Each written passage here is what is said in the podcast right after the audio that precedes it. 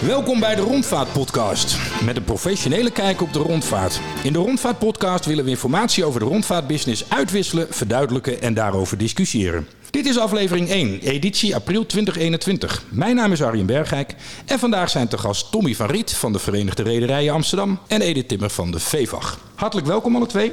We gaan vandaag eh, diverse onderwerpen behandelen. Maar laten we even beginnen met eh, de VRA, de Verenigde Rederijen eh, Amsterdam. Tommy, wat, wat doet die precies? Ja, we zijn een branchevereniging, een belangenvereniging voor de aangesloten leden. En dat zijn vooral de wat kleinere reders. Ja, ik geloof dat ik een van de grotere ben met vijf vergunningen. Maar er zitten ook veel eenpitters bij. En dat is um, grotendeels hospitality en ook heel veel historische boten zitten erin, uh, onze vereniging. Maar ook een aantal sloepen die ook wel ticketverhuur doen of ticketverkoop doen. En uh, ook de onbemande zijn ook bij ons aangesloten. Of in ieder geval één onbemande reden. Ja, dus met name ook de inmiddels beroemde salonboten, die zijn voor een groot deel binnen de uh, VRA vertegenwoordigd. Ja, ik geloof bijna allemaal. Ja, precies. Oké, cool. Hey, en Edith, wat doet de VVAG? Uh, ja, de VVAG is uh, eigenlijk een, uh, ook een branchevereniging. met name voor de iets grotere rederijen. En nou ja, met een heel divers productaanbod. van nou ja, de gewone rondvaart door de stad. Maar ook dinnercruises, um, feesten, partijen. Eigenlijk van alles bieden wij aan. En ja, vooral de grotere, grotere rederijen zoals Stroma, Blueboat en Lovers zijn daarbij aangesloten. Juist. En dat betekent dus dat de VRA en de VVAG samen wel echt een heel groot deel van de rederijen in Amsterdam vertegenwoordigen. Kooi zit nog apart in zijn, oh ja. in zijn eigen club. En volgens mij was dat het wel. Ja, verder zijn we redelijk, uh, ja, redelijk compleet uh, ja. nee, tegenwoordig. Nou, dan is het in elk geval voor deze podcast is het mooi om te weten dat jullie met z'n twee ook namens een heel groot deel van die rederijen spreken. Dus dat we ook een goed beeld krijgen van hoe jullie erin staan en wat op dit moment de acties zijn. Nou, daar gaan we het natuurlijk zo meteen ook eventjes over hebben. Maar Tommy, een klein beetje over jouw achtergrond. Jij bent de eigenaar van uh, Private Boat Tours. Ja. met vijf boten. Hoe ben je daar ooit mee begonnen? Ik had eigenlijk voor mijn eigen plezier dat ik een tuinderslet. 30 jaar geleden, of nog meer dan 30 jaar geleden. En toen ehm, werd ik af en toe aangesproken door gasten of door mensen op de uh, buurtbewoners of, of uh, kennissen of noem maar op. Hé, uh, hey, wat leuk, ik ben volgende week jarig, mag ik de boot van jou lenen? Ik zeg nou, is goed, maar dan vaar ik hem wel zelf. Verstandig. Ja, en zo, en toen dat, nou ja, dat vond ik eigenlijk zo leuk. Ik dacht van nou, dat wil ik ook wel professioneel doen. En toen, toen de tijd dat je waternet en die kwam toen bij me langs en ik vroeg van nou, uh, kan ik hier een vergunning op aanvragen? Toen zeiden ze van nou, hoeveel mensen wil je voeren? Ik zei nou ja, mannetje van 18 of zo. Dus ik kreeg een hele lijst met uh, waar je dan aan moest voldoen voor SI-keuring. En toen heb ik er even van afgezien, want dat lukte dus niet op die boot. En toen uh, was wel lullig van ze dat ze niet even erbij zeiden, nou, tot 12 personen kan het wel. Maar dat liet hij even expres achterwege, denk ik. En uiteindelijk kwam ik daar dus wel achter toen ik me erin ging verdiepen. En toen dacht ik van nou, dan ga ik ook een boot erbij zoeken voor twaalf personen waar ik ook het hele jaar mee kan varen. Ja, precies. En ik had al, um, ja, ik ben ook gek op historische voertuigen, zeg maar. Ik had een oude motor en uh, dacht toen, nou, dan uh, moet het ook een ouderwetse mooie boot worden.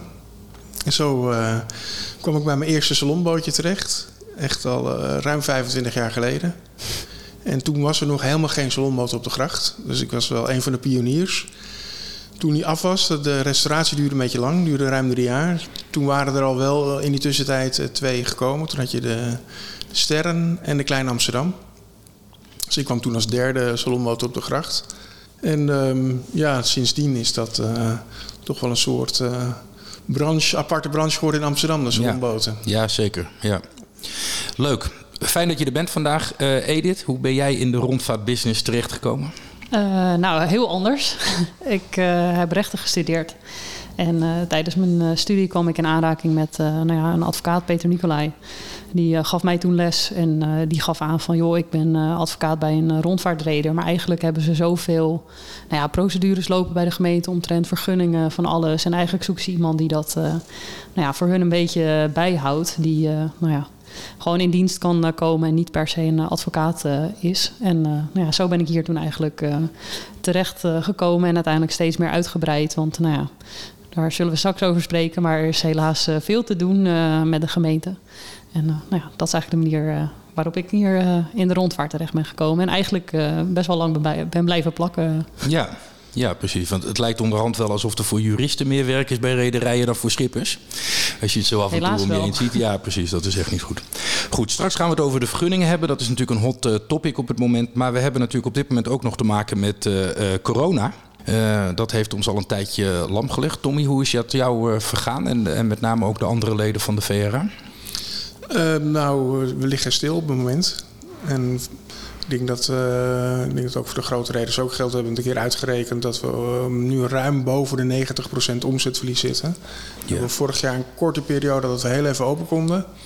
En daarna ook nog met beperkingen. Dus dat we geen eten en drinken mochten serveren. Dus dat is vooral voor de hospitality die eigenlijk moet hebben van de dineetjes en de buffetjes. Was ja. dat uh, rampzalig. En dat is nu wachten dat we weer wat mogen. We hadden nog een klein beetje hoop dat we samen met de terrassen iets mochten. In ieder geval de open boten of het open gedeelte, het open achterdek van de boot. Uh, maar helaas, het wordt echt specifiek gezegd uh, op de site van de Rijksoverheid dat rondvaartboten hun terrassen niet uh, meedoen, ja. niet, mee, niet gelden. Nee. Dus wij moeten wachten op 26 of 27 mei, geloof ik, ja. voordat we weer wat mogen. En dan is er voor ons, voor hospitality raiders, het probleem dat uh, de groepsgrootte vier is op dat moment. Dus ja, dus dat wordt heel frustrerend. Want dan zien we boten voorbij varen met ticketverkoop... waar je zeg maar... Uh, die kunnen met, met 20 groepen van twee mensen. Dus die kunnen met 40 personen aan boord varen. Ja, ja. En wij moeten ons dan houden aan vier personen. Ja. En dat is ook niet, ja, niet echt rendabel natuurlijk. Ook voor ons niet. We krijgen nu bijna geen toeristen. Het zijn bijna allemaal mensen die iets willen vieren... of een familie met kennis en vrienden die een tocht willen varen. Het zijn meer de Amsterdammers en de Nederlanders. Ja, en die kunnen we dan voorlopig niet bedienen. Nee. En in stap 4 wordt het zes personen. En in stap 5, 7 juli, wordt het acht personen. Ja, dat is toch wel echt wel rampzalig. Dat, uh, ja. dat we nog tot zo lang moeten wachten voordat we eigenlijk een beetje rendabel open kunnen. Hey, dit, hoe zien de V-van-geleden dit? Wanneer denken zij weer dat ze op een beetje normaal niveau kunnen opereren? Ja, dat is heel, uh, heel moeilijk te voorspellen. En ik moet ook zeggen dat ik niet uh, de overheidscommunicatie daar niet altijd heel duidelijk in vind. Waar, waar wij nu onder vallen. Want we lijken soms een beetje tussen wal en schip uh, te vallen. Um, omdat we natuurlijk niet echt een. we zijn niet echt vervoer volgens hun regeling. Maar we zijn ook niet echt een terras. We zijn ook niet echt horeca. Um, dus ik vind soms dat er nog wel wat weinig aandacht is voor ons specifieke vorm van nou ja, vervoer van mensen. Waarbij wij echt wel denken, en ook wat wel gebleken is toen we wel open mochten, uh, dat wij echt op een veilige manier uh, passagiers kunnen vervoeren. Um, en het is gewoon heel jammer eigenlijk dat de gemeente ons ook niet daarin echt als partner uh, ziet. Omdat um, volgens mij wij met onze rondvaart juist de druk van de wal kunnen verlichten. Want Ja. dat zie je nu ook, dat uh, parken zijn vol. Eigenlijk alles. Mensen kunnen natuurlijk heel weinig. Um, en dat ik daar juist denk, zeker ook bijvoorbeeld de salonboten waar Tommy het over had. Of de open boten. Maar ook de grotere rondvaartboten, die kunnen vaak heel erg open zijn. Met een open dak, heel veel ramen open. Mensen kunnen prima op afstand zitten. En daarmee denk ik wel dat je, nou, als je de bezoekers van de stad wat verspreidt over het water, waar het heel rustig is op dit moment, um, ja, dat je juist een heel goed alternatief kan bieden aan mensen, zodat ze toch iets kunnen doen in de open lucht. Ja. Um, dus ja, ik vind het jammer dat de gemeente ons daar niet heel erg um, nou ja, in lijkt mee uh, te werken. Ja, want dat was ook een van jullie argumenten volgens mij in de rechtszaak over de onbemande boten. Hè, die jullie hadden aangespannen tegen de gemeente van geef ons nou juist die mogelijkheid om dat te doen. Want ja, dan zitten ze met z'n twee of met z'n vier op een klein bootje. En dan lopen ze tenminste niet tegen andere mensen aan op de wal. Ja, nou dat is nu wat wij... Uh, kijk, Stromma heeft ook uh, waterfietsen. In uh, Utrecht hebben we een aantal waterfietsen. En in Amsterdam zijn wij eigenlijk de enige exploitant met waterfietsen. Wat een beetje hetzelfde concept is als onbemande verhuur. Waar je eigenlijk... Ja, daar zit je alleen met je partner of met je gezin op. Maar dat, Ja. dat is het dan. Ja. Uh, waarbij wij ook al... De, in Utrecht mogen we al een tijdje open. Omdat de gemeente Utrecht gewoon zegt van... ja, je mag een auto huren, je mag een fiets huren... je mag eigenlijk alles huren met je gezin. Dus waarom een boot dan niet? Want je mag ook met je eigen boot varen met je gezin. Ja. Uh, dus in Utrecht zijn we al een tijdje open. Alleen de gemeente Amsterdam die is daar uh, minder uh, nou ja, bereidwillig om daarin... Dus daar hebben we een procedure over moeten voeren bij de rechter helaas. En uh, hebben we wel gelijk in gekregen. Dus we mogen nu met waterfietsen en onbemande verhuur weer open. Nou totdat de gemeente Amsterdam eventueel weer zegt dat het toch weer niet... Mag. En uh, nou ja, we hopen dat we kunnen laten zien dat uh, juist vervoer over water en ook nou ja, straks misschien als je bijvoorbeeld één schipper hebt die in een afgesloten gedeelte zit met een heel gezin aan boord, dat dat prima veilig kan. Ja. Um, en dat dat juist een uh, fijn uitje biedt in de buitenlucht. Ja. Nou ja, juist ook omdat op boten, nou, open boten natuurlijk al helemaal, maar zelfs de gesloten boten in Amsterdam kunnen natuurlijk heel goed doorgelucht worden. Hè? Dus ramen en daken kunnen open en dan, uh, dan komt er veel verse vuurstof binnen. Is dat nog richting de gemeente ook een oproep die jij zou willen doen, Tommy? Dat, je, dat jullie meer ruimte willen hebben, juist ook om aan te sluiten bij wat Edith zegt van ja, als dat kleine groepen op onze boten zijn, uh, dan is dat alleen maar beter? Ja, zeker. Ja, we hebben ook al een, een brief erover gestuurd uh, naar de wethouder, die die ook zou doorsturen naar uh, de burgemeester, omdat die in de veiligheidsraad zit. Ja. Ik, weet niet precies hoe je dat noemt, maar. Veiligheidsregio, ja. Veiligheidsregio. Ja. En, en dat het toch allemaal uh, landelijk beleid is, zeg maar. Ja. Dus we moeten wel iemand hebben die voor ons een ingang daar heeft en die, die een beetje gaat lobbyen dat, dat we niet over het hoofd worden gezien. Ja. Nee, Op die brief hebben wij nog geen antwoord gehad van de burgemeester. Dus dat uh, mocht ze luisteren. Ja, precies. Ja. Gaan zorgen dat deze podcast bij haar terechtkomt. Ja. Maar ik vind namelijk de vergelijking die je maakte, Edith, met de terrassen, vind ik eigenlijk natuurlijk wel. Dat is, dat is een goede op zich. Hè? Ik bedoel, als je mensen een beetje uit elkaar houdt, en dat kan makkelijk op een hoop boten, ja. ja dan is het natuurlijk geen enkel probleem om het te doen. Hè? Daarna zitten ze ook, dus ze gaan niet meer tegen elkaar aanlopen. Dus, uh... Nou, ik denk eerlijk gezegd dat het risico op een boot misschien nog kleiner is. Want als je uh, op een terras gaan mensen misschien toch nog lopen, daar heb je aanloop en weglopen van mensen. En op een boot worden mensen neergezet op hun eigen plek. En daar zitten ze het komende uur of Ja. anderhalf uur, net hoe lang je vaart. Ja. Dus ik denk juist dat het op een boot heel goed te reguleren is van, nou ja, iemand, daar zit een groep en daar zit een groep. En verder verplaats je niet eh, Nee. tijdens het varen. Dus ehm, nou ja, ik, eh, en dat is wel het lastige met de, de regels zijn landelijk. En de, de handhaving en de interpretatie, dat ligt eigenlijk hier bij het college of bij onze gemeente. Want dat zie je dus met het verschil met die waterfietsen. Van in Utrecht mag dat dus wel. Terwijl we allemaal landelijk gezien hebben we dezelfde regels.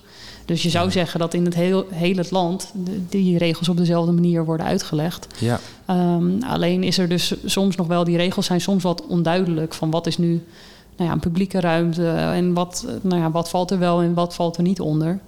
Ehm, dus ja, dat is een beetje een kwestie van interpretatie soms. En daar moet je dus net de gemeente mee hebben in jouw kant daarvan. Nou ja, laten we hopen met z'n allen dat de gemeente er op deze manier naar kijkt. En eh, de grootste hoop is natuurlijk nog met vaccineren en het stijgen van de temperatuur. Dat gebeurde vorig jaar natuurlijk ook toen, eh, toen, toen eind mei. Toen werd het ook allemaal heel veel beter. Nou, laten we hopen dat met de vaccinatie eh, daarbij... dat we dan toch nog naar een redelijk mooie zomer kunnen. En dat die, die hoeveelheden mensen, zes of acht op een boot... dat ze daar wat coulanter naar gaan kijken. En dat we misschien die graad wat eerder halen. Ja, ik hoop dat ze dat, eh, die groepsgrootte gaan aanpassen. Ja, precies. Je, zeg maar, als je kan aantonen dat je die kleine groepjes die je aan boord hebt... voldoende afstand van elkaar Ja. laat nemen. Ook wel dat ze elkaar kennen. Ja. wordt het gezien als één groep. Ja, ik zie nu bij de site van de ehm, BBZ... daar interpreteren ze het anders. Ja, Daar zeggen ze van... eh, eh, als je de boeking aanneemt voor groepjes van vier...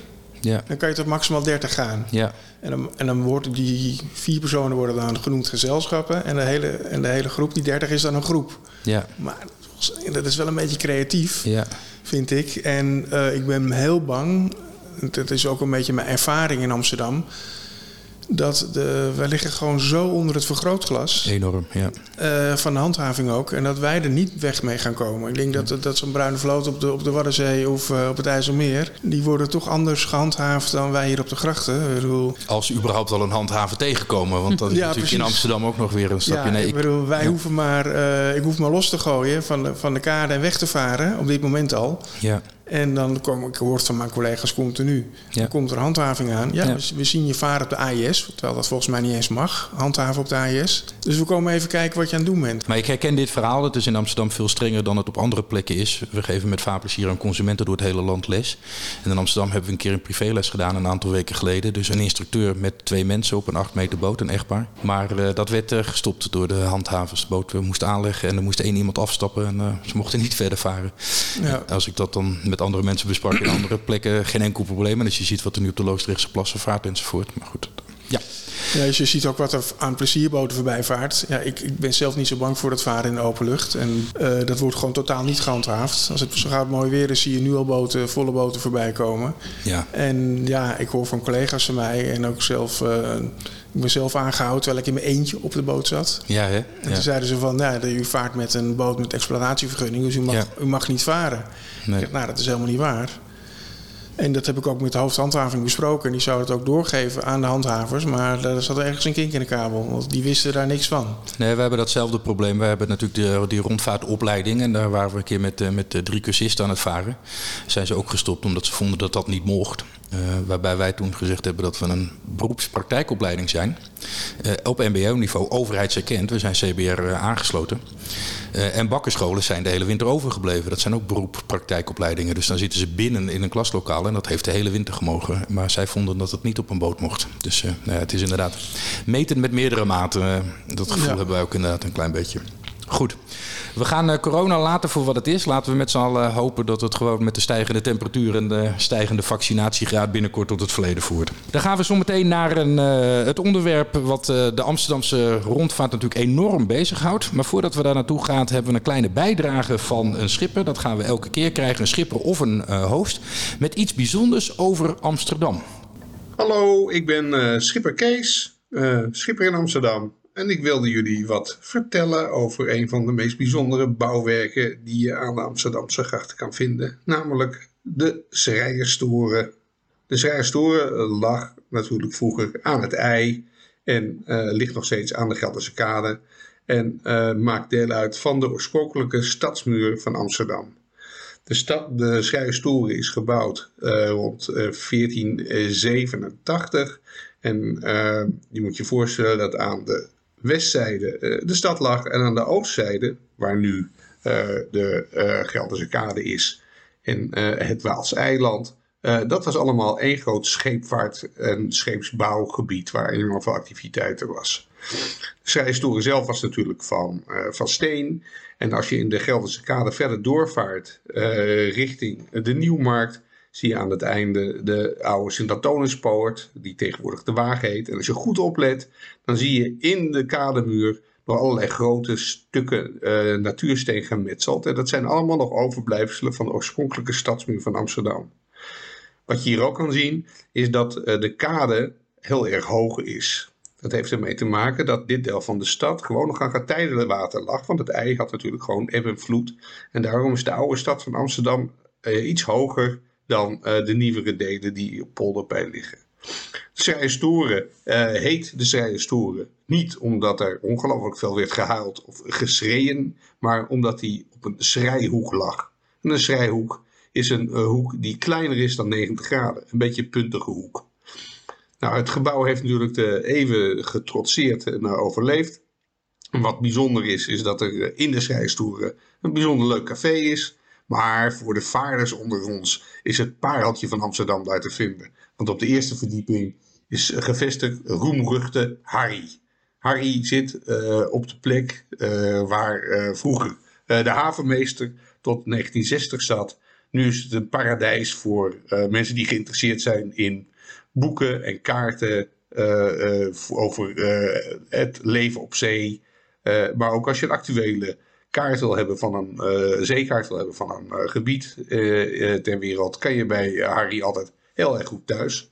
Nou, deze informatie wilde ik eventjes met jullie delen en ik wens jullie erg veel plezier in Amsterdam. Als je naar Amsterdam komt, vergeet dan niet om naar het Amsterdam Museum te gaan.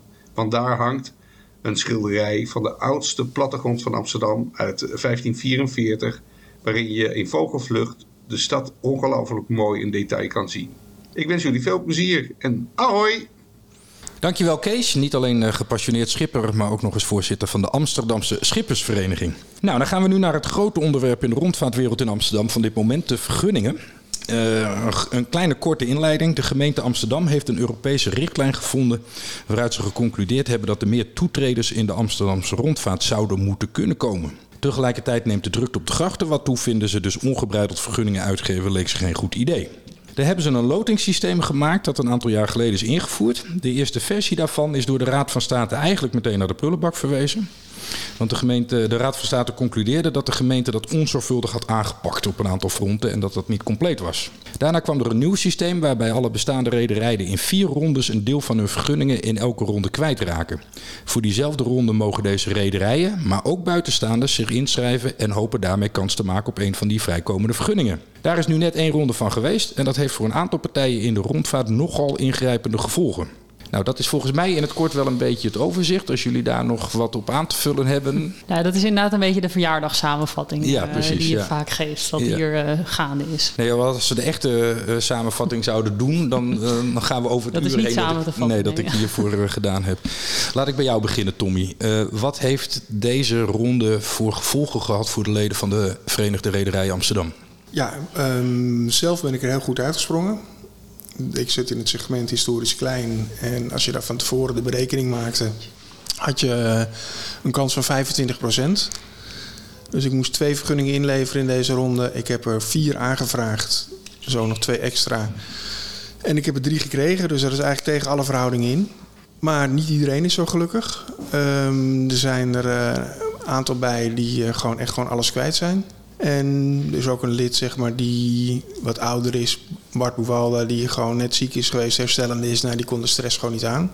Dus die raakt drie vergunningen kwijt eh, en die heeft niet eens, die heeft niet eens nieuw aangevraagd. eh, omdat hij het gewoon te stressvol vond. Eh Dave, Rederij Flauw is alles kwijt. Ehm Cruise de Vas is de helft van de vergunningen kwijt. Eh, Amsterdam Bootcenter is er een aantal kwijt. Eh, dan zijn er ook nog heel veel die afgewezen zijn. Dus die niet eens in de lotingvergunning kwijtgeraakt zijn, maar die door de spelregels zeg maar, eh, de vergunning kwijt zijn geraakt. En op wat voor, op wat voor fronten wordt er dan beoordeeld? Ehm, ja, die hebben misschien een foutje in de aanvraag gemaakt en dan niet Ja. op tijd genoeg gereageerd of de aanvulling ingeleverd. Het wa- het was best ingewikkeld, Ja. moet ik zeggen, om, om die hele aanvraag in te dienen. Dus dat, eh, ja, als je daar niet handig mee bent of je maakt een klein foutje of de tekening is niet goed en je moet daarna eh, nieuwe tekeningen aanleveren, maar de tekenaar die ligt ziek thuis met corona, waardoor je de deadline mist. Dat is echt gebeurd bij iemand. Dus, dus eh, ja, er zitten gewoon hele schrijnende gevallen bij van mensen die gewoon nu uitgeloot zijn of afgewezen zijn op, op, op, op kleine onbenulligheidjes eigenlijk. Ja. Dus ik denk dat er ook nog wel een aantal ehm, bezwaren komen. En ik denk ook dat er, dat er best wel veel mensen nog in het gelijk gesteld gaan worden met zo'n bezwaar.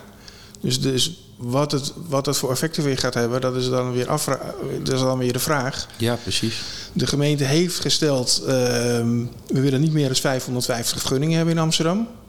Nou, als je nu op de lijst kijkt, eh RPA-lijst op de, op de site van de gemeente, dan zitten we al op 567. Omdat er al voor deze loting al heel veel eh, bezwaren waren of mensen toch nog een vergunning hebben gekregen. Dan was er heel, zijn er heel veel fouten gemaakt met de lijst. Dus mensen hebben bezwaar gemaakt tegen de, tegen de datum dat ze de vergunning hadden gekregen, dus hun positie op de lijst. Dus nu zijn er in deze ronde eh, 143 vergunningen ingetrokken, maar 155 vergunningen ge- vergeven. Dus dat zijn er ook alweer 13 bij. Dus dan zitten we al op 580. Plus alle bezwaren die nog gaan komen. Dus we komen nu op misschien wel 600, 610 vergunningen. Terwijl eigenlijk dat kan niet, want het- is gesteld op 550. Dus wat gaat er dan gebeuren in de tweede ronde? Ja. Dat wordt een slagveld. Dan ga je heel veel vergunningen ja, intrekken, terwijl je er maar minder kan uitgeven. ja, omdat je weer op die 550 wil uitkomen. Ja. Of de gemeente wil dat. Ja, Ja, precies. Dus, dus dat, eh, maar ja, dat is één van de onderwerpen die, er- die ertussen zitten. ja. Dus dit, maar de, ja, het, is, het is gewoon eh, eigenlijk best wel een, eh, een chaos. En ehm, ja, niet, niet eerlijk hoe het, hoe het loopt en hoe het gaat en hoe er met mensen wordt omgegaan. Nee. We gaan daar zo meteen nog even dieper op in. Eh, Edith, voor de VVAG-leden, wat zijn daar de gevolgen geweest? Eh, nou ja, dat is een, verschilt een beetje per lid. De Ja. een is er beter uitgekomen dan de ander. Ehm, en ja, dat is dus eigenlijk ook ehm, eigenlijk het hele. Nou ja, daar heb je eigenlijk het hele punt van een loting. Is dat het is gewoon het is een loting. Dus eh, je hebt er zelf weinig invloed op, op hoe je daaruit eh, komt. En ehm, er is wel eh, gesteld, kijk, in principe eh, schrijf je natuurlijk in met de boten die je allemaal kwijtraakt. Maar toch denk je van ja, als ik die boten niet terugloopt, ja, dan moet ik wel met een nieuwe boven. Dan wil ik wel, je wil je capaciteit uh, natuurlijk behouden. Want nou ja, je bent ook um, verantwoordelijk voor nogal wat mensen. Hè. Je hebt personeel, je hebt langlopende verplichtingen. Ja. Um, dus uh, ja, daar doe je dan je best voor om uh, wat te behouden. Alleen je merkt ook dat, um, nou ja, zoals Red Blue Boat, die heeft echt daadwerkelijk, die heeft vier boten zou die kwijtraken. Die heeft er vier ingeschreven. Die heeft geen enkele vergunning teruggekregen daarvan. En ja, het is een beetje lastig dat gemeente nu zegt van ja, we doen het in, in delen. Hè, dus je bent niet in één keer je hele vloot kwijt. Uh, maar je kunt je natuurlijk voorstellen, je, je speelt wel met iemands levenswerk. Hè. Mensen hebben daar, of je nou, uh, nou ja, vijf boten hebt of tien. Uh, ik denk dat iedere eigenaar daar evenveel of nou ja, evenveel. Iedereen heeft daar gewoon passie voor en heeft daar uh, hard voor gewerkt. Het is gewoon heel moeilijk ondernemen om te ondernemen op een, een loting die elke twee jaar ervoor zorgt dat jouw bedrijfsvoering weer totaal anders kan zijn. Ja, en de loting is nogal, nogal pittig ook. Want ik heb dat even zitten uitrekenen. Uh, er waren 155 vergunningen te vergeven in deze ronde. Daar zijn dus 712 aanvragen voor binnengekomen. Dus je hebt een kans van 1 op 4,5. Dus feitelijk inderdaad, als je één boot uh, uh, in de vergunningsronde ingetrokken had, dan zou je dus eigenlijk 4,5 boot moeten inschrijven om statistisch gezien jouw ene boot te mogen houden. Ja, dat hangt er ook nog vanaf welk segment, zeg maar. Uh, helder, ja. Het ene segment is, is, is de kans wat groter, omdat er minder inschrijvingen ja. zijn. Historisch groot was een segment wat net even iets gunstiger was. historisch klein was ook iets minder gunstig, maar ook wel gunstiger. Ja. En eigenlijk de, de, het segment klein, dat was echt uh, heel lastig. Dat, daar waren de meeste inschrijvingen in. Ja. Dus daar waren, was, waren de kansen helemaal klein. En dat is dan ook weer raar, omdat de gemeente dus in voorgaande uh, uh, mededelingen graag aangaf dat ze juist naar kleinere boten op de grachten wilden. En dan wordt het dus juist om kleinere boten aan te vragen, wordt het weer veel ingewikkelder om te doen. Nog los even van de kosten, want het was per boot aanvraag is natuurlijk ook was bepaald niet, niet gratis wat je aan legers alleen al aan de gemeente kwijt was. Laat staan wat je aan kosten moest maken voor alle onderbouwingen. Uh, want je moet niet alleen, heb ik goed begrepen, uh, moeten jullie mij vertellen even of dat zo is, uh, niet alleen aantonen dat je die boot in het water kunt leggen, dus dat er een tekening van is, maar ook dat je dat gefinancierd kan krijgen of gefinancierd hebt. Nou, dat is um, voor veel kleine reders of, of iets minder ja, kapitaalkrachtige reders is dat wel lastig. Ja. Die kunnen in ieder geval een eigen vergunning weer opnieuw aanvragen, want die boot hoef je niet te financieren, die heb je. Ja. Maar om extra vergunningen aan te vragen voor zeg maar tactisch. Ja, precies. Um, ja, daar moet je wel aan kunnen aantonen dat je het kan financieren. En ja, ik wil wel vooropstellen dat ik heel erg begrijp dat, dat grote bedrijven die dat kunnen, dat ze dat doen. Ja. Want iedereen wil vechten voor zijn bedrijf. En, Logisch, ja. Maar ik vind dat de spelregels van de gemeente wat dat betreft ook niet goed zijn. Eigenlijk, het is sowieso natuurlijk belachelijk om te gaan loten met, met een, iemand zijn bedrijf. Maar op deze manier wordt het wel voor uh, mensen die dat niet kunnen aantonen, wordt het wel uh, moeilijker gemaakt. Ja. Zeg maar, om, om te blijven bestaan. Kennen wij één bedrijfstak waar je voor het bestaan afhangt van een loterij? Ik bedoel, gebeurt het ergens nou, anders? Kijk, uh, het heeft natuurlijk te maken met het feit dat, dat ze vergunningen voor rondvaartboten schaars hebben gemaakt. En in, in Nederland kennen we wel een paar van die stelsels, niet veel. Uh, een deel is zeg maar, je hebt de radiofrequenties die zijn schaars. Daar, moet je, dat, daar heb je ook een soort van veilingssysteem. Um, in het openbaar vervoer bijvoorbeeld heb je elke zoveel jaar wel een nieuwe aanbieder. Alleen wat het daar is, is natuurlijk, of, en casino's hebben het volgens mij ook, dat je in bepaalde steden heb je natuurlijk van, er mogen niet nou ja, 30 casino's in een centrum zitten. Alleen wat die bedrijven vaak nog wel hebben, is als ze in de ene stad iets niet kunnen, kunnen ze nog naar een andere stad of wat anders. Maar als rondvaart in Amsterdam ben je zo gericht op deze vergunning. Kijk, als ik nu voor een bepaalde boot geen vergunning heb, ja, ik, ik, ik kan niet ineens zeggen van nou dan ga ik wel eh, in Alkmaar varen of ik ga in een andere in Haarlem. Uh, nou ja, dat, het kan. Maar dat is toch iets heel anders. En dat is helemaal niet vergelijkbaar met je bedrijf. Dus bij ons betekent het gewoon de facto wel dat je je bedrijf kwijt bent als je die vergunning je hebt, je hebt niet zoveel alternatieven wat je kunt doen natuurlijk met zo'n boot. En zo'n schaarse vergunningssysteem lokt ook al die inschrijvingen uit. Ten eerste zijn er heel veel extra inschrijvingen gedaan tactisch. Dus die mensen willen niet eens groeien. Maar die worden gedwongen om, die, om al die extra... Dus van die 700 vergunningen, als ze dit niet hadden gedaan, deze loting... Ja, dan was dit niet, was dit niet gebeurd. Waren er nooit zoveel aanvragen geweest. En je maakt het eh, product ook waardevol. Want je, je hebt een van die gewilde 550 loodjes, de vergunningen dan op, op zo'n moment. Maar het, is geen eerlijk speelveld, want uh, een nieuwe aanvrager die, die zet alleen maar zijn leesjes in en zijn tekening. En een bestaande, ik moet uh, de boot inzetten en ja. mijn bedrijf inzetten. Dus ja. het is dus Het is zo'n groot verschil met, met, uh, met waar je mee loodt. Ja. Mijn loodje is gewoon duizend keer kostbaarder als het loodje van een nieuwe aanvrager.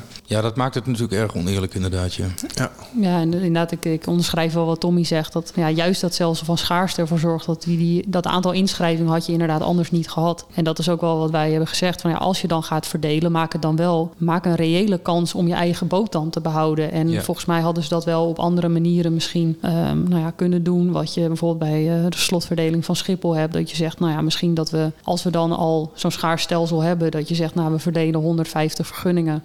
Maar daarvan ehm, verloten we er gewoon 120 onder de bestaande raiders. En misschien de, der- de 30 bijvoorbeeld echt alleen aan nieuwe. Dus dan heb je bijvoorbeeld wel eh, alleen maar bestaande raiders die dan bijvoorbeeld wel 90% kans hebben om je eigen boot terug. eh, nou ja, kijk, ik weet natuurlijk niet of dat een eh, echt de juridische toets doorstaat. Maar ehm, ja, volgens mij had het ook echt wel anders. Want is dat, dat is het, het, het grote argument van de gemeente, toch? Dat ze nieuwe toetreders erbij willen hebben en dat ze niet meer vergunningen willen uitgeven omdat het dan te druk wordt. Ja, ze zeggen dat het moet door de Europese diensten. Nou ja, helder. Ja, oké, dus, ja. dus dat ze geen andere keuze hebben. Ja, toen, Ja. tenminste, de keuze is of eh, de markt vrijgeven... Ja. of met eh, eh, schaarse vergunningen te gaan werken. Maar jij denkt dus met name, Edith, dat daar nog een tussenvorm in mogelijk was geweest. Dat je zegt, in plaats van al die 155 vergunningen helemaal afnemen, zou je daarvan een deel bij de rederijen kunnen laten en een klein deel aan eventuele nieuwkomers kunnen gunnen. Nou ja, het, het lastige van de Europese dienstenrichtlijn is dat het in principe moet het allemaal eerlijk en transparant. Iedereen moet dezelfde kans krijgen om een vergunning eh, te krijgen. Ehm, en dat maakt het ook wel lastig. Alleen ehm, ja, soms is het zeg maar uit een juist een gelijk, eh, gelijk speelveld is het juist soms nodig om mensen wel ongelijk te behandelen. Want iemand die nog helemaal niks heeft, heeft echt een andere situatie dan iemand die wel een heel bedrijf heeft Ja, met heel veel mensen in dienst. Ehm, dus ja, daarom is ook de vraag van ja, is dat... Ik, ik weet ook niet of het eh, echt die Europese dienstrijlijn eh, die toets zou doorstaan.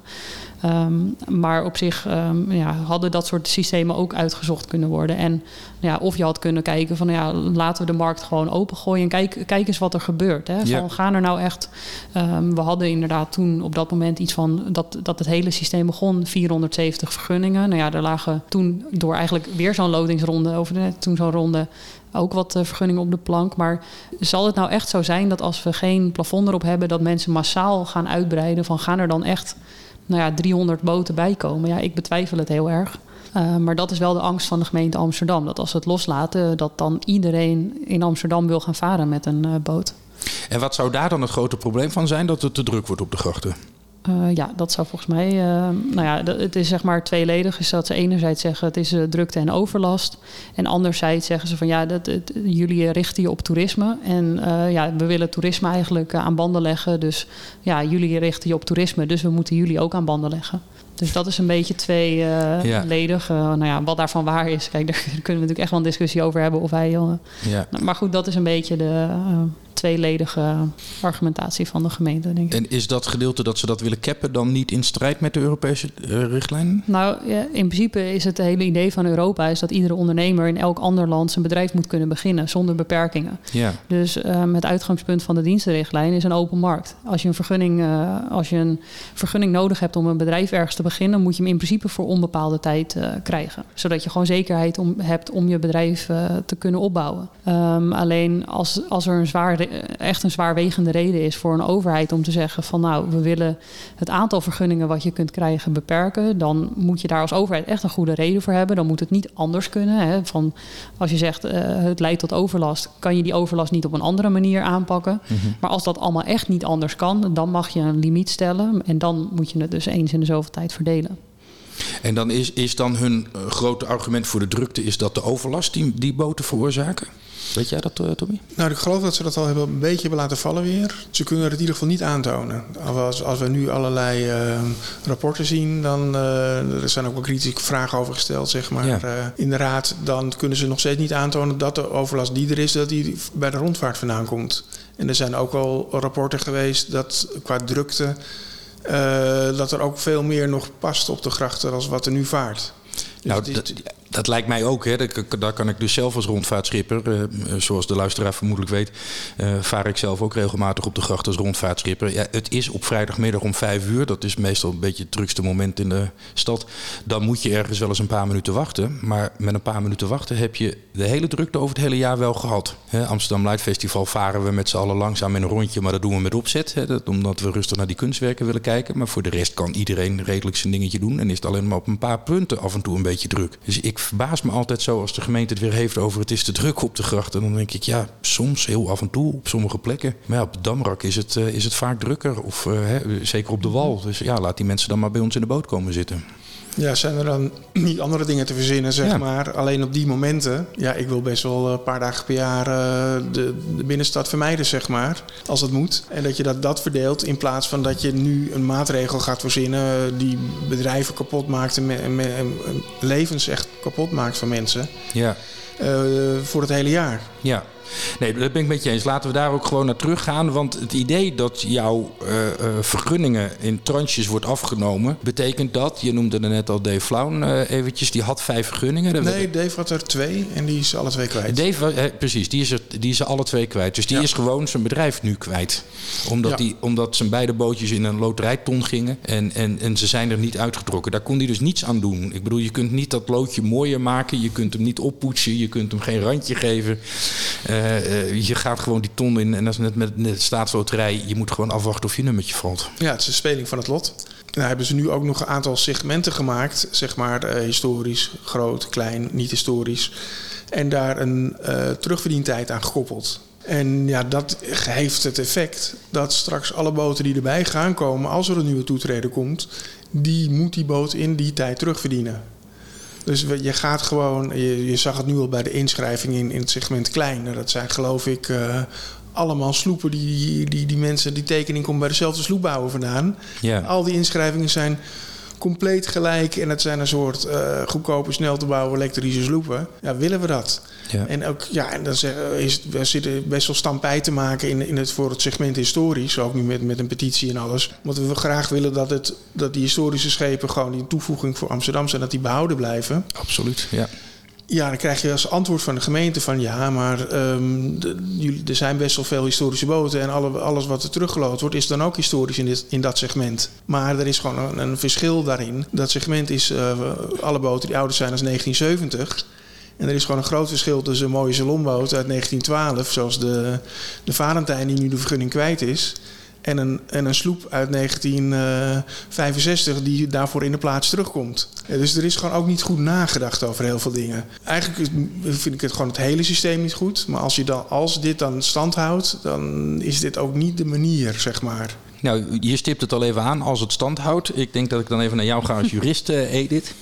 Um, ik mag aannemen dat de rederijen zich hier niet allemaal en masse bij hebben neergelegd. Uh, nee, zeker niet. We hebben inderdaad gisteren net een uh, zitting gehad bij de rechtbank over hoe we de komende zitting gaan aanpakken. Want het is natuurlijk een, nou ja, het wordt nogal een groot proces, zeg maar. Omdat er natuurlijk nou ja, van 500 vergunningen worden ingetrokken. En ja, niemand is het daar natuurlijk mee eens. Um, en we hebben dus nu, als het goed is, gaan we in november, gaat de rechtbank zich hierover buigen. En um, nou ja, een van de hoofdargumenten uh, ja, waar je eigenlijk net uh, zelf ook al uh, eigenlijk op, op inhaakte, is: um, kan het niet anders? He, van, eigenlijk volgens Europa is dit echt het laatste middel. Een, een ja. plafond met verdeling van schaarste. Nou ja, we zien wat de gevolgen kunnen zijn. Die zijn enorm. En is er nou echt niet iets te bedenken wat diezelfde problemen die er zogenaamd zouden zijn dan... en komen die problemen die zij constateren bij de gemeente Amsterdam... zoals drukte en overlast, komt dat nou door die door onze rondvaartboten. Ja. Want uh, wij varen het hele jaar door eigenlijk een beetje. Nou ja, wij varen gewoon het hele jaar door. En de meeste dagen is het niet druk. Er zijn een paar drukke dagen. Precies. En dat komt vooral door de pleziervaart. En dat is natuurlijk, die moet ook ruimte hebben. Dat is zeg maar logisch. Alleen uh, de vraag is, moet je dan voor die paar drukke dagen mensen hun hele bedrijf permanent afpakken. Terwijl je ook zou kunnen zeggen, nou kijk naar bijvoorbeeld dynamische verkeersmodellen. Van kan je niet sturen op van nou, de Prinsengracht is druk. We zetten daar een soort van uh, stoplichtsysteem of een, een, beprijzing van nou ja, het kost, uh, je betaalt op een drukke dag bijvoorbeeld geld om over een drukke gracht te varen. Of we leiden mensen naar een andere gracht. Hè. Pleziervaart maakt het waarschijnlijk niet zo heel veel uit waar ze varen. Hè. Of die nou, die hoeven niet per se langs het Anne Frankhuis waarschijnlijk. Die varen gewoon gezellig met hun ja, familie en gaat het meer om het, de gezelligheid. En nou ja, daarnaast ook de vraag van ja, en als het dan druk is, is dat dan erg? Is het erg dat je er vijf minuten langer over doet over je rondje. Ja. En, uh, of kun je bijvoorbeeld werken met nou ja, een drukke dagenvergunning. Dat je zegt, nou, als jij op die drukke zaterdag... dan gaan we zeggen, nou ja, er mogen maar zoveel boten op die dag varen. Maar dan kan je de rest van het jaar nog wel gewoon normaal je bedrijf uh, uitvoeren. En er zijn misschien wat rederijen die zeggen, nou, als jullie zeggen dat alle zaterdagen en zondagen in juli gewoon te druk zijn, nou ja, dan vaar ik misschien die dagen niet of minder ja, dat je, en, en wij hebben gewoon het idee dat naar die ideeën die wij daarvoor hebben aangedragen, gewoon niet serieus wordt gekeken naar door de gemeente. Is dat ook in de vorige ronde, toen bij de Raad van State, niet een argument geweest voor de Raad van State om het. Uh, ik, ik, herinner me het verhaal over de boegschroeven. De gemeente had uh, volgens mij in die procedure ook gezegd van ja, die, de, de, de lange boten, dat ging toen met name over de lengte, die nemen te veel draairuimte in beslag. En de gemeente heeft toen niet onderzocht of bijvoorbeeld boegschroeven op de boten dat probleem zou kunnen verhelpen. En is dat dit een beetje in diezelfde lijn dat je zegt van we moeten gewoon meer onderzoeken voordat ze de conclusie kunnen trekken het is de drukpunt? Uh, nou, zeker. Want nou ja, wat het is, kijk, volgens de dienst, de vorige ronde was eigenlijk misgegaan omdat ze het segment uh, ze hadden segmenten gemaakt op basis van lengte. Dus tot 14 meter was een segment en vanaf 14 meter. Alle grote rondvaartboten zijn natuurlijk vanaf, uh, die zijn groter dan 14 meter. Uh, die zouden beperkt worden in aantal. Daar zouden er maar 135 voor verleend worden. maar boten tot 14 meter, dat segment zou worden vrijgegeven. Dus de Raad van State heeft de vorige keer gezegd van ja, het eigenlijk het enige onderscheidende criterium tussen die boten is de lengte. Ja. En waarom moet je nou, waarom moeten die grote boten, waarom zijn die nou het probleem? En toen zei de gemeente Ja, vlotte, veilige doorvaart. Een kleine boot manoeuvreert beter dan een grote boot. Alleen, ja, dat kun je niet zo dat kun je niet zeggen. Nou ja, dat hoef ik jou als schipper niet te vertellen. Dat de ene boot van 14 meter met een bepaalde schipper misschien moeilijker manoeuvreert dan een andere boot van 18 meter. Ja. En daar was toen geen uh, rekening mee gehouden. Maar dat zit, um, het is toen ook stuk gelopen op van is het wel evenredig en noodzakelijk om het op deze manier te doen. Ik denk dat het deze ronde ook gewoon stuk gaat lopen op is het evenredig om het op deze manier te doen en is ja. het noodzakelijk. Want dat argument blijft uh, na de vorige keer uh, precies hetzelfde overrent. Het is, het is zo ingrijpend dat je dit bijna niet iemand mag aandoen. Toch? Uh, klopt. Daar, In ieder geval, wij zijn nog steeds uh, van mening dat zo'n schaars stelsel waarin je bedrijf uh, afhankelijk wordt van een loterij, dat dat gewoon zo ingrijpend is voor je bedrijf. Daar is gewoon geen. Het is niet uit te leggen aan iemand waarom jij niet meer mag varen. Nee. Um, nou ja, omdat zij zeggen dat het te druk is. Terwijl iedereen weet dat het niet druk is vanwege de rondvaartboten. Maar nou ja, er zijn een paar drukke dagen in het jaar. En uh, nou ja, overlast, dat, dat is ook nog wel misschien uh, om op te merken, is dat eerst werd aangegeven er is zoveel overlast vanaf het water. En afgelopen jaar hebben wij natuurlijk niet gevaren. En toch is in de grachtenmonitor het aantal overlastmeldingen was bijna gelijk aan, vorig, ja. aan het jaar dat wij wel hebben gevaren. Dus ja, in hoeverre kan de gemeente nog. Eerst was nog echt van, nou ja, overlast is echt het probleem. En dat komt of nou ja, door jullie. Dat is eigenlijk de reden waarom ze de rondvaart uh, aanpakken. Nou ja, nu stel je daar vragen over van joh, ik zie in de grachtenmonitor dat het aantal overlastmeldingen eigenlijk gelijk blijft, maar wij waren er niet. Nee. Dus moeten we dan niet een conclusie uh, trekken? En toen werd daar een beetje op geantwoord van ja, maar overlastmeldingen dat zijn slechts dat is een indicatie van het gevoel van de bewoner.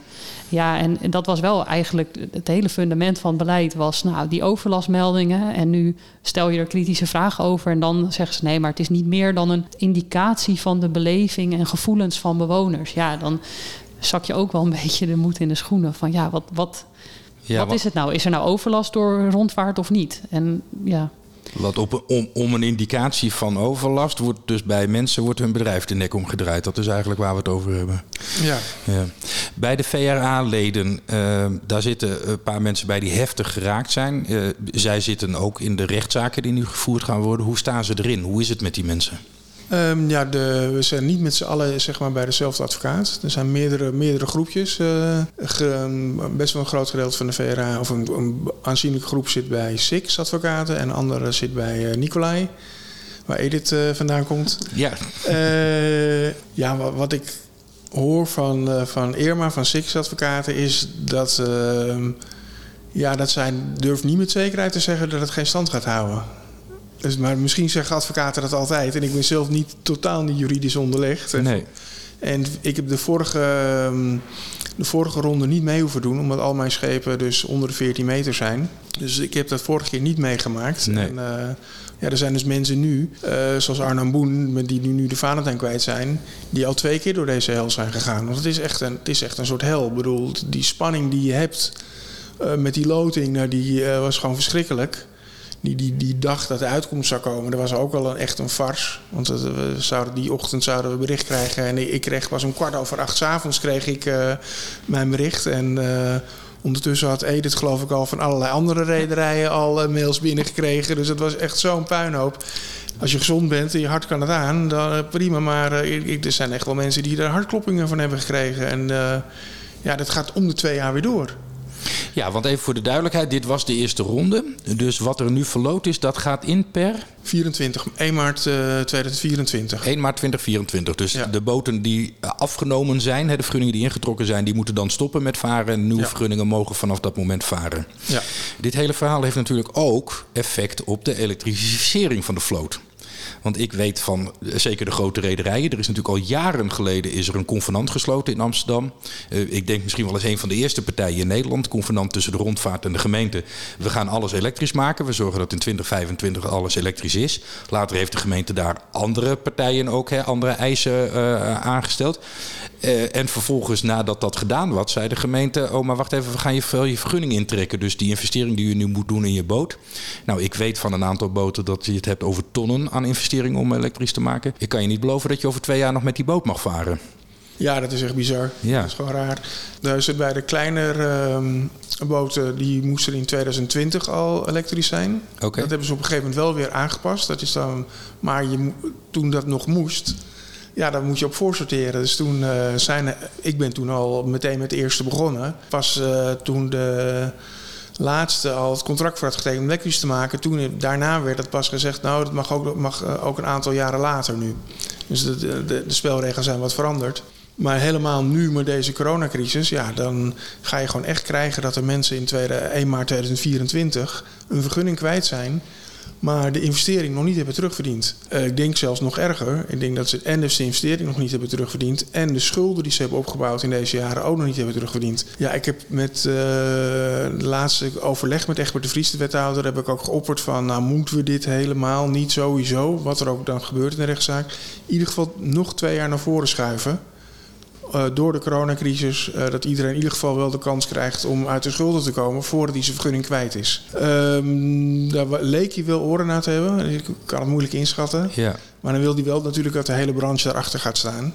Dus dan moeten we dat, eh, gaan we nog even inventariseren van wie daar ook allemaal nog meer voor is. Want ik kan me voorstellen dat er misschien één of twee winnaars tussen zitten. Die denken van ja, hey, ik wil wel beginnen in 2024. Ik wil niet wachten tot 2026 of tot 2027. Het lijkt me op zich wel een goed idee om hoe dan ook dit allemaal te gaan uitstellen. Maar ze spelen natuurlijk op die manier ook mensen een beetje tegen elkaar uit. Want de een wint en de ander verliest. Ja, die staan dan natuurlijk ook een beetje anders in de wedstrijd. Ja. Ja, anders zijn ze misschien bang dat die mensen die winnen bezwaar gaan maken. En dat ze dan weer zeggen, ja, ons bedrijf eh, moet nog twee jaar langer wachten. En eh, Ja. Daar willen we schadevergoeding voor. Dat ze daar Ja. bang voor zijn. Ja, ze hebben zichzelf ook echt in de nesten gewerkt met, met, met dit systeem. Er zitten zoveel haken en ogen aan. Dat is, eh, dat is gewoon onvoorstelbaar. Er zijn naar aanleiding van de vorige ronde, die dus door de Raad van State verworpen is, zijn er volgens mij ook nog wel wat schadeclaims ingediend bij de gemeente, toch? Klopt. Dus dat, dat krijg je dan ook nog eens een keertje. Dus als zij nu ook nog een klein beetje naar links of naar rechts willen, dan. eh, Ja, dat ga je natuurlijk straks eh, in ieder geval met die elektrificatie wel krijgen. Is dat je, nou ja, eh, wat je al zegt, wij als grotere reder hebben toen, eh, nou ja, we zetten volgens mij al vanaf, nou ja, wat is het, eh, tussen 2000, eh, vanaf 2013 was toen die noten varen allemaal weer. Voor die tijd was er natuurlijk wel enige aanloop. Maar vanaf 2013 was gewoon duidelijk van, ja, je bedrijf gaat straks in de, ja, staat op de tocht. Je weet niet, toen zouden al onze vergunningen zouden we kwijt kunnen raken. Dat ging bij ons om 31 eh, boten ja, ga je dan 31 boten nog elektrisch maken? Terwijl je helemaal niet weet of je daar een vergunning voor, eh, voor gaat krijgen. Dat zou toen vanaf 2020 zijn. En nu zitten we eigenlijk nog steeds in die onzekerheid van ja, ga je nu, je moet voor 2025 boten elektrisch maken, anders mag je er niet meer eh, mee varen op de grachten. Alleen eh, vanaf 2026, 28, ja, gaan er weer boten hun vergunning kwijtraken. En voorlopig hebben we daar geen duidelijkheid over of je daarmee mag blijven varen. Dus dat maakt de keuze. Kijk, we zijn ook ooit op veel schoner aardgas gaan varen. En En we hebben inderdaad die convenanten getekend van ja, duurzaamheid, je maakt gebruik van de openbare ruimte. Hè. Dus nou ja, daar wil je natuurlijk zorg voor dragen. En dat het allemaal schoner moet, uh, daar zijn we altijd voorstander van geweest. Uh, maar daar wil je wel um, ja, iets van zekerheid voor terug. Want het zijn, ja. de overheid vraagt best wel wat van een ondernemer. Want het, zijn gewoon, het gaat inderdaad niet om 5000 euro uh, voor zo'n boot om die elektrisch te maken. Dus ja, als je zo'n investering wil, doet, wil je natuurlijk wel weten dat je dat niet voor een jaar doet. Nee. En nou ja, wat daar ook bij komt, is dat die boot moet natuurlijk ook ergens kunnen laden. En uh, de gemeente is ook al jaren in een soort van, uh, ja, ze, ze, ze wilden een laadstandaard gaan creëren. Nou ja, gaan, dat zijn ze nu aan het oppakken. Terwijl al 75% een eigen laadstandaard heeft gemaakt. En um, ja, ze willen dan straks wel iets met laadinfrastructuur gaan doen. Maar ja, wij weten ook niet of de gemeente of dat voor 2025 klaar is. En, ja. Dus het is, het is zo onzeker allemaal dat het echt. Uh, nou ja, en dat moet ook technisch nog maar kunnen. Ik weet vanuit uh, Vaarplezier is Hiswa lid. En ik weet dat dat vanuit de jachthavens in en rondom Amsterdam... Uh, dat Liander aangeeft dat het bij een hoop jachthavens... gewoon technisch niet eens te realiseren is... dat die kleine boten, dus de plezierbootjes, elektrisch geladen kunnen worden. Dus ja, laat wat er dan gebeurt midden in de stad... met elektrische, met, met, met heaven, nog wat grotere boten... die aan een stekker Klopt. in de wal moeten. Ja. Ja, volgens mij zijn er nu al veel stadsdelen die af en toe, uh, waar het elektriciteitsnet het af en toe al uh, ja. enigszins begeeft. Omdat er natuurlijk, ja, mensen werken, iedereen gebruikt gewoon veel meer stroom. Veel ja. elektrische auto's, alles moet, wordt elektrisch straks. Maar ja, er ja. zit wel een limiet aan wat er nu kan. Dus ja, ik weet ook niet of de gemeente dat voldoende uh, nou ja, in kaart heeft. Wat er eigenlijk ja, gewoon technisch gezien mogelijk is. Bij in de binnenstad uh, klapt het vaak weer uit hoor. Ja, hè? Afgelopen week bij ons, uh, oh, ik, ja? ik, woon vlakbij de Klovenisburgwal, daar lag de stroom twee keer plat. Uh, bij de, bij de Storen, waar ik met mijn bedrijf zit, daar ligt het zeker één à twee keer per jaar vliegt elektriciteit. Het is nog een oud netwerk, stopt. Ik heb ook op alle boten, alle laadsystemen heb ik een, een alarm. Dat ik een, op mijn telefoon een waarschuwing krijg als de stroom weer een keer uitvalt zodat, zodat, je, zodat je er weer even de stoppen erin kunt doen als het weer werkt. En dan ja, kunt zorgen dat je boot er tenminste de volgende dag ja, doet. Anders kan je dus ook niet varen. Ja, nee. dat je niet voor een verrassing komt. Ja. En op zich, ja, alle boten zijn nu bij mij elektrisch. Uh, ja. In het begin keek ik er heel erg tegenop. Maar ik moet zeggen, het is wel fantastisch. Het is fantastisch varen als ze vol zijn. Ik heb voldoende capaciteit. Ik kan een lange dag varen. Het was een gigantische investering. Maar ik ben er wel heel gelukkig mee, moet ik zeggen. Ja, nou, het varen op zich is erg mooi ja. met elektrisch. Dat ben ik met je eens. Je merkt alleen hier en daar nog wel eens dat het, uh, met name het softwarematige deel over het laden en ontladen, dat is nog niet in alle gevallen even betrouwbaar. En zeker niet als er dan eens een keertje de stroom eruit valt, hoe systemen daarmee omgaan. Ja, we zijn echt aan het pionieren ja, hier. Ik bedoel, we zijn wel de, de eerste tak die, die dit doet, zeg maar, ja. uh, in Nederland. En ja. Uh, ja, dat is, uh, daar hebben we een hoop geld in geïnvesteerd. Ja. En dat, is, dat is allemaal hartstikke spannend. En ja, en het enge is ook nog een beetje de, de veiligheid. Uh, als zo'n lithium-ion-accu uh, begint te branden, dan is hij niet meer uit te krijgen. Nee. Dus dat heb ik zelf één keer meegemaakt. Dat er een aansluiting op een accu niet helemaal stevig genoeg vast zat. Of die was een beetje losgetrild. Dan maakt hij minder contact, dus dan wordt hij heet. Dus dan is er, een, is er een brand ontstaan. Dat we gelukkig zelf die, die, die, die cellen los kunnen koppelen. En in, het, en in een touwtje aan het ei gehangen. En na twee uur trokken we ze omhoog. En was, waren ze nog steeds aan het fikken. Ja, ja, ja. Dat ze twee uur onder water zitten. En de brandweer die kwam gelukkig niet al te snel. Die zei van, uh, als wij er eerder waren geweest, dan hadden we je boot laten afzinken. Laten afzinken, echt? Ja, ja, om, om die brand te stoppen. Maar we hadden gelukkig zelf die cellen los kunnen koppelen en eruit kunnen halen. Ja. Dus dat, uh, ja, het is, best, de, het, is, het is nog best, het is allemaal experimenteel eigenlijk Precies, nog een ja. beetje. Het is, uh, ja, en dan, en dan zijn we ermee bezig, zijn we er met z'n allen vol goede moed ingestapt. En dan zegt de gemeente, ja. oh ja, maar ik weet niet of je die investering volgend jaar nog mag gebruiken of het jaar erop. Nee. Wat is, Edith, wat is jouw, jouw inschatting over of, of wat de rechter hiervan gaat vinden? Um, nou ja, het is, uh, het is lastig te zeggen. Ik, ik heb ergens de angst dat de rechter op een gegeven moment... want dit is natuurlijk al de tweede keer dat we hier uh, staan... of in ieder geval de eerste keer was natuurlijk al de Treiberzaak... waarin werd geoordeeld van nou ja, hoe het vroeger was. Dat, dat mag niet. Nou ja, toen hebben ze het één keer geprobeerd van... nou, we doen het op een andere manier, we doen het zo. Um, dus ik heb ergens misschien ook wel de angst... dat ze bij de Raad van State een keer denken van... nou, daar heb je ze weer. En ja, het is misschien niet een perfect systeem... maar we, we kunnen ze wel weer terugsturen... maar dan staan we over vier jaar staan we hier weer met staan we hier natuurlijk weer. Um, dus ik hoop dat nou ja, de Raad van State hier op zich merk je wel met uh, Europese regels dat ze dat heel indringend toetsen en echt, echt toetsen van uh, is het wel evenredig noodzakelijk en dat die toets om, juist juist omdat het Europees recht is, dat ze dat echt wel streng uh, beoordelen. Ja. Um, dus ja, ik, ik, ik heb er op zich wel. Uh, nou ja, ik, ik, er zijn zoveel aanknopingspunten om aan te nemen dat dit beleid gewoon niet niet stand houdt. Dat ik echt wel denk dat het ergens op uh, stuk gaat. Alleen ja, ik hoop niet dat ze denken van nou ja, dat is uh, dat, dat ze toch op een gegeven moment een keer accepteren van nou ja, het is misschien geen perfect systeem, maar uh, dat zou volgens jou. Dit, dit, is misschien wel het hoogst haalbare. Maar, ja, precies. Ja. Dat zou volgens jou de belangrijkste reden zijn waarom de Raad van State zou zeggen we laten het wel in stand. Nou ja, dat, dat, daar ben ik bang voor dat ze misschien een keer denken van ja, we kunnen de gemeente Amsterdam wel weer terugsturen met de opdracht van ga het uitdenken en maak een nieuw systeem. Maar dat ze misschien ja dat, maar dat is heel lastig, uh, lastig inschatten hoe uh, de Raad van State hierin staat. Maar ja. ik hoop dat ze rationeel genoeg zijn om te zien dat dit gewoon niet uit te leggen is. En nee. nou ja, dat dit gewoon echt niet kan. Nee. Ja, het blijft dus nog heel lang heel spannend. Die, die, die uitslag bij de Raad van State laat nog een tijdje op zich wachten. We krijgen eerst nog de normale zaak, pas in november. Klopt. Nou, jij weet het misschien beter hoe lang het duurt voordat er een uitspraak komt. Misschien een paar maanden. Ja, ja in principe heeft een rechtbank zes weken. Maar dit is oh. wel een uh, uitgebreide, natuurlijk een meervoudige kamer. En verwacht ook wel dat ze daar iets meer, uh, of dat dat langer gaat duren, inderdaad. Maar goed, tegen de tijd dat je dan bij de Raad van State bent en dat dat daar op de, ja, op de rol staat. En, dus dan ben je, denk ik, uiteindelijk zijn we wel, zijn we al bijna in 2024, denk ik. Dus ik heb misschien de angst dat we net uh, voor, de, nou ja, voor de deadline, dat we wel, hoop ik, dat we duidelijkheid hebben. Ja, en als die duidelijkheid komt van, uh, nou, de gemeente, dit mag niet wat jullie doen, dan is nog de onzekerheid, wat gaan ze daarna doen? Wat gaan ze daarna weer verzinnen? Want ja. het, is, het hoeft dan helemaal niet zo te zijn dat ze zeggen: oké, okay, dan gooien we de markt open. Dus Nee. dan gaan ze wel weer iets nieuws verzinnen. Ja.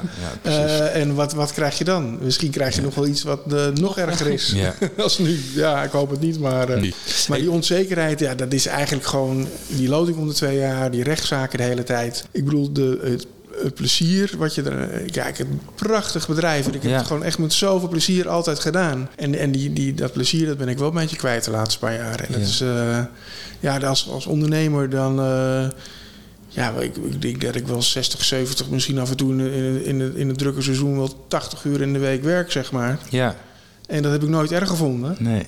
Maar ja, dat, dat is, begint wel een beetje te veranderen nu hiermee. De pret is eraf. Inmiddels begint er wel een hoop steun te komen voor de rondvaartboten. Er is een petitie.